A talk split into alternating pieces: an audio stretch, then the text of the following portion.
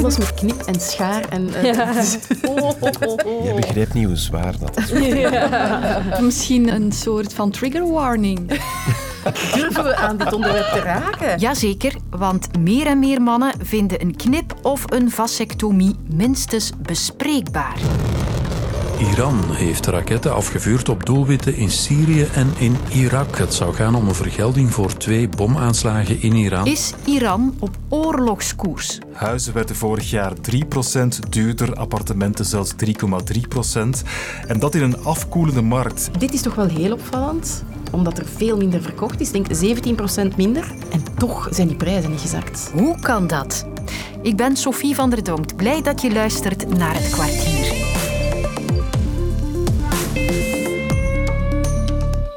Eerste gespreksonderwerp bij onze ochtendkoffie vandaag was niet de sneeuw en hoeveel centimeters er dan wel aankomen. Ook niet Donald Trump, maar wel de knip. Wat vinden we van twintigers die de knip laten zetten? Wat heb ik gemist? Ik heb het, ook niet helemaal denk ik, maar nieuwsblad. Ja. blijkt dat er meer twintigers en dertigers zijn die een vasectomie knip laten zetten, een vasectomie. Dus de knip zit in de lift tout court, ook bij de hele jonge mannen. Dat, ja. Het is ook voor mannen een van de enige manieren om mee bij te dragen tot... Er zijn meer en meer vrouwen van mijn leeftijd, merk ik, die geen anticonceptie meer willen nemen, of toch zeker niet de pil. Mm -hmm. En ik denk dat dat ook wel meespeelt, dat die dan zeggen van ja, als wij toch geen kinderen willen, zeg. Het staat hier, veel koppels zien het als een gemakkelijker anticonceptie ja. dan bijvoorbeeld de pil. Het is een kortstondig pijntje en daarna kunnen we weer voort. en bij zulke gespreksonderwerpen zal je dan altijd zien dat ook aan de tafels rondom ons de oren gespitst worden. Collega Matthias kwam zichzelf spontaan aanbieden om mee te praten. Ik moest voor iets anders bij de huisarts en ik sprak hem daarop aan en hij zei ja, dat is eigenlijk echt een uitstekend idee. Ik zal u een brief meegeven, want u moet doorverwezen worden.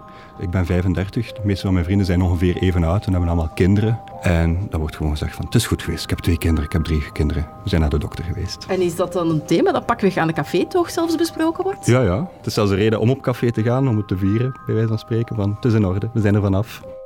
En ook de cijfers van het RISIF tonen dat zo'n vasectomie geen zeldzaamheid meer is. In tien jaar tijd steeg het aantal mannen dat jaarlijks onder het mes gaat van een dikke 7000 per jaar naar bijna 9000 per jaar.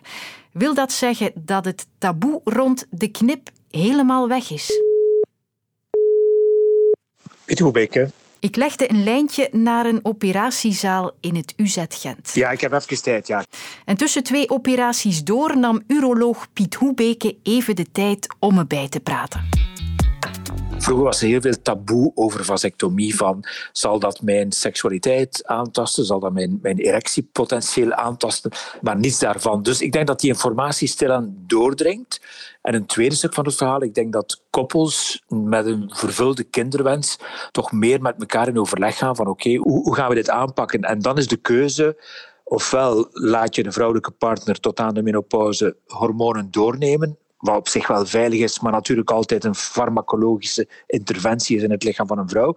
Ofwel gaat een van de beiden voor de sterilisatie. En dan is het obvious dat de man de aangewezen persoon is.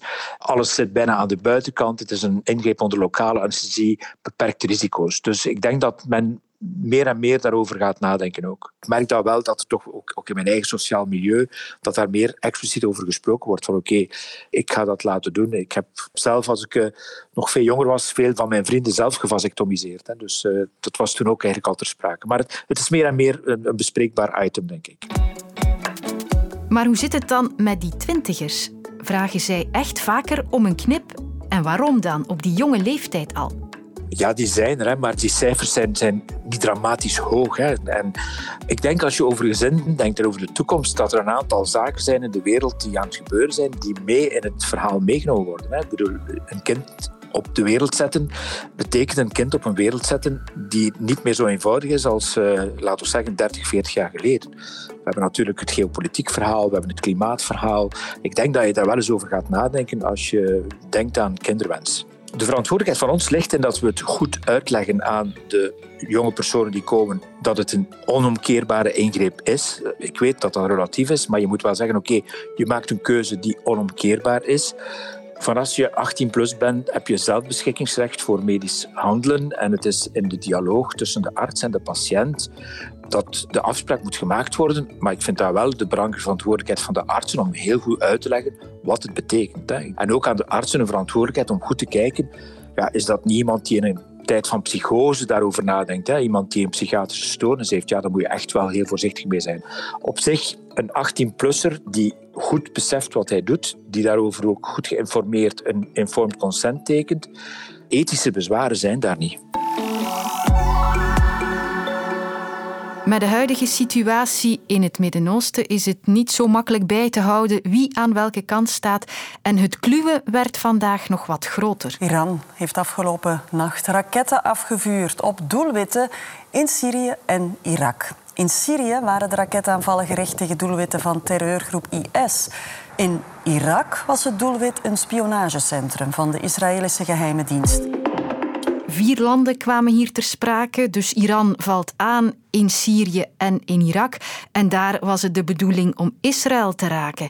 Ik heb op onze buitenlandredactie gevraagd om die rol van Iran uit te leggen en liefst zo simpel mogelijk. Ja, nee, dat, is, dat, is, leg dan een keer uit. Pff, veel te moeilijk. Geen eenvoudige missie, maar collega Jens Fransen gaat toch een poging wagen, hoor. Iran is voor hem bekend terrein. Daar was hij voor ons al meermaals op verslag. Ja, zowel in Iran als ook in het noorden van Irak. In eh, Erbil ook, ettelijke keren al. Iran is vandaag een, eh, een beetje een uitzondering in het Midden-Oosten, want het is het enige land waar de Shiiten zitten, een beetje een paria-regime. Maar het is ook een van de regionale grootmachten in het Midden-Oosten. En die grootmacht heeft dus buurland Irak aangevallen. Er is al een klacht van de Irakezen bij de Veiligheidsraad van de Verenigde Naties. Maar Iran zegt dat het niet de Irakezen wilde treffen. Wel, Iran, of de Iraanse revolutionaire garde, wat een soort ja, privémilitie is in Iran, maar heel machtig, die zegt dat het een post heeft aangevallen van de Israëlische geheime dienst, de Mossad. Dat is natuurlijk heel erg slim om dat te zeggen. Want aan de ene kant kunnen ze zeggen: kijk, die Mossad, die niet geliefd is in het Midden-Oosten, want die, de Israëlische geheime dienst is één, wij schakelen die uit. En twee, zelfs al zou het niet waar geweest zijn, kan Iran nog zeggen: kijk eens, die andere Arabische staten, bijvoorbeeld Irak, de Koerdische autoriteiten daar in Erbil, die laten dat zomaar toe. Wij niet. Wij treden daartegen op. En het feit dat zich dat in Irak voordoet, is denk ik in deze minder belangrijk. Maar als Iran dat gebouw heeft gebombardeerd in Erbil, is het omdat Iran zegt dat de Israëlische geheime dienst, de Mossad, daar een soort ja, safe house heeft. En dat is natuurlijk dan weer de aardsvijand van Iran. Hè. Israël en Iran zijn eigenlijk aardsvijanden. Oké, dus volgens Iran was het een aanval gericht op Israël, meer dan op Irak. Maar dan zoeken we ook nog een verklaring voor de Iraanse aanvallen op IS-doelwitten in Syrië. Wat moeten we daarachter zoeken? Wel, wat je daarin ziet is dat Syrië en het regime van de Syrische president Bashar al-Assad is een bondgenoot van Iran. Maar ook in Syrië heeft het Syrische regime nog vandaag de dag nog een aantal uitdagers. Hè? De Koerden, de restanten van IS. En je ziet dat ook daar Iran zal proberen om dat Syrische regime te helpen. En eigenlijk geldt in het Midden-Oosten die ene grote regel: de vijanden van mijn vijanden zijn mijn vrienden. Iran is dus op verschillende manieren verweven met de specifieke situatie in de landen van het Midden-Oosten. Ja, Midden-Oosten is een beetje zoals Europa in de 19e eeuw. Je hebt een aantal oude grote spelers, Turkije, Saudi-Arabië, maar dan ook Iran. Elk van die spelers probeert zijn regionale macht en invloed te vergroten en doet dat natuurlijk door gebruik te maken van lokale groepen. Iran zal bijvoorbeeld de Houthis steunen, de rebellen in Jemen. Without Iranian support, the Houthis would struggle to effectively track and strike commercial vessels through the Red Sea. Iran zal bijvoorbeeld ook Hezbollah steunen in Libanon. En het zal elke keer groepen steunen waarvan het weet dat die verwant zijn met Iran. Een machtsspel dus. Maar na die bombardementen van vannacht kunnen we ons toch afvragen hoe ver Iran nu wil gaan. Is het zelf op oorlogskoers? Ik denk niet dat Iran op oorlogskoers is, want eigenlijk is, ehm, speelt Iran het spel elke keer slim. Het zorgt ervoor of het probeert regio's of gebieden te destabiliseren, maar het zorgt er wel voor dat het altijd onder de drempel blijft, waardoor het eigenlijk zelf zal worden aangevallen.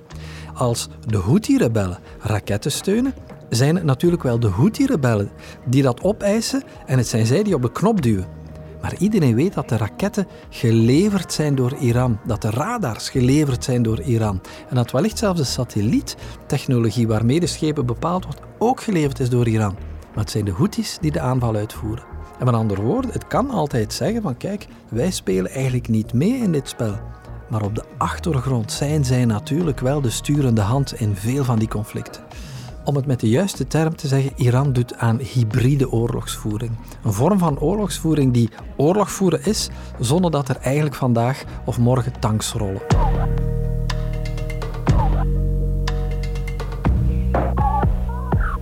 Een guilty pleasure van mij is rondsnuisteren op IMO-websites. Om te zien wat er allemaal te koop is in mijn buurt, zelfs al ben ik niet op zoek.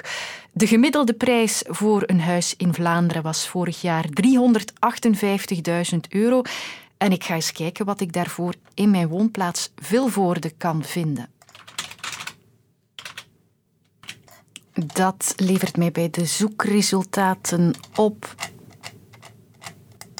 Bijvoorbeeld een rijwoning die te koop staat voor 349.000 euro, dus wat onder dat Vlaamse gemiddelde. Ik zie een smal huisje in het centrum van de stad. Um, de gevel ziet er gerenoveerd en geïsoleerd uit. Dan even klikken op de foto's binnen.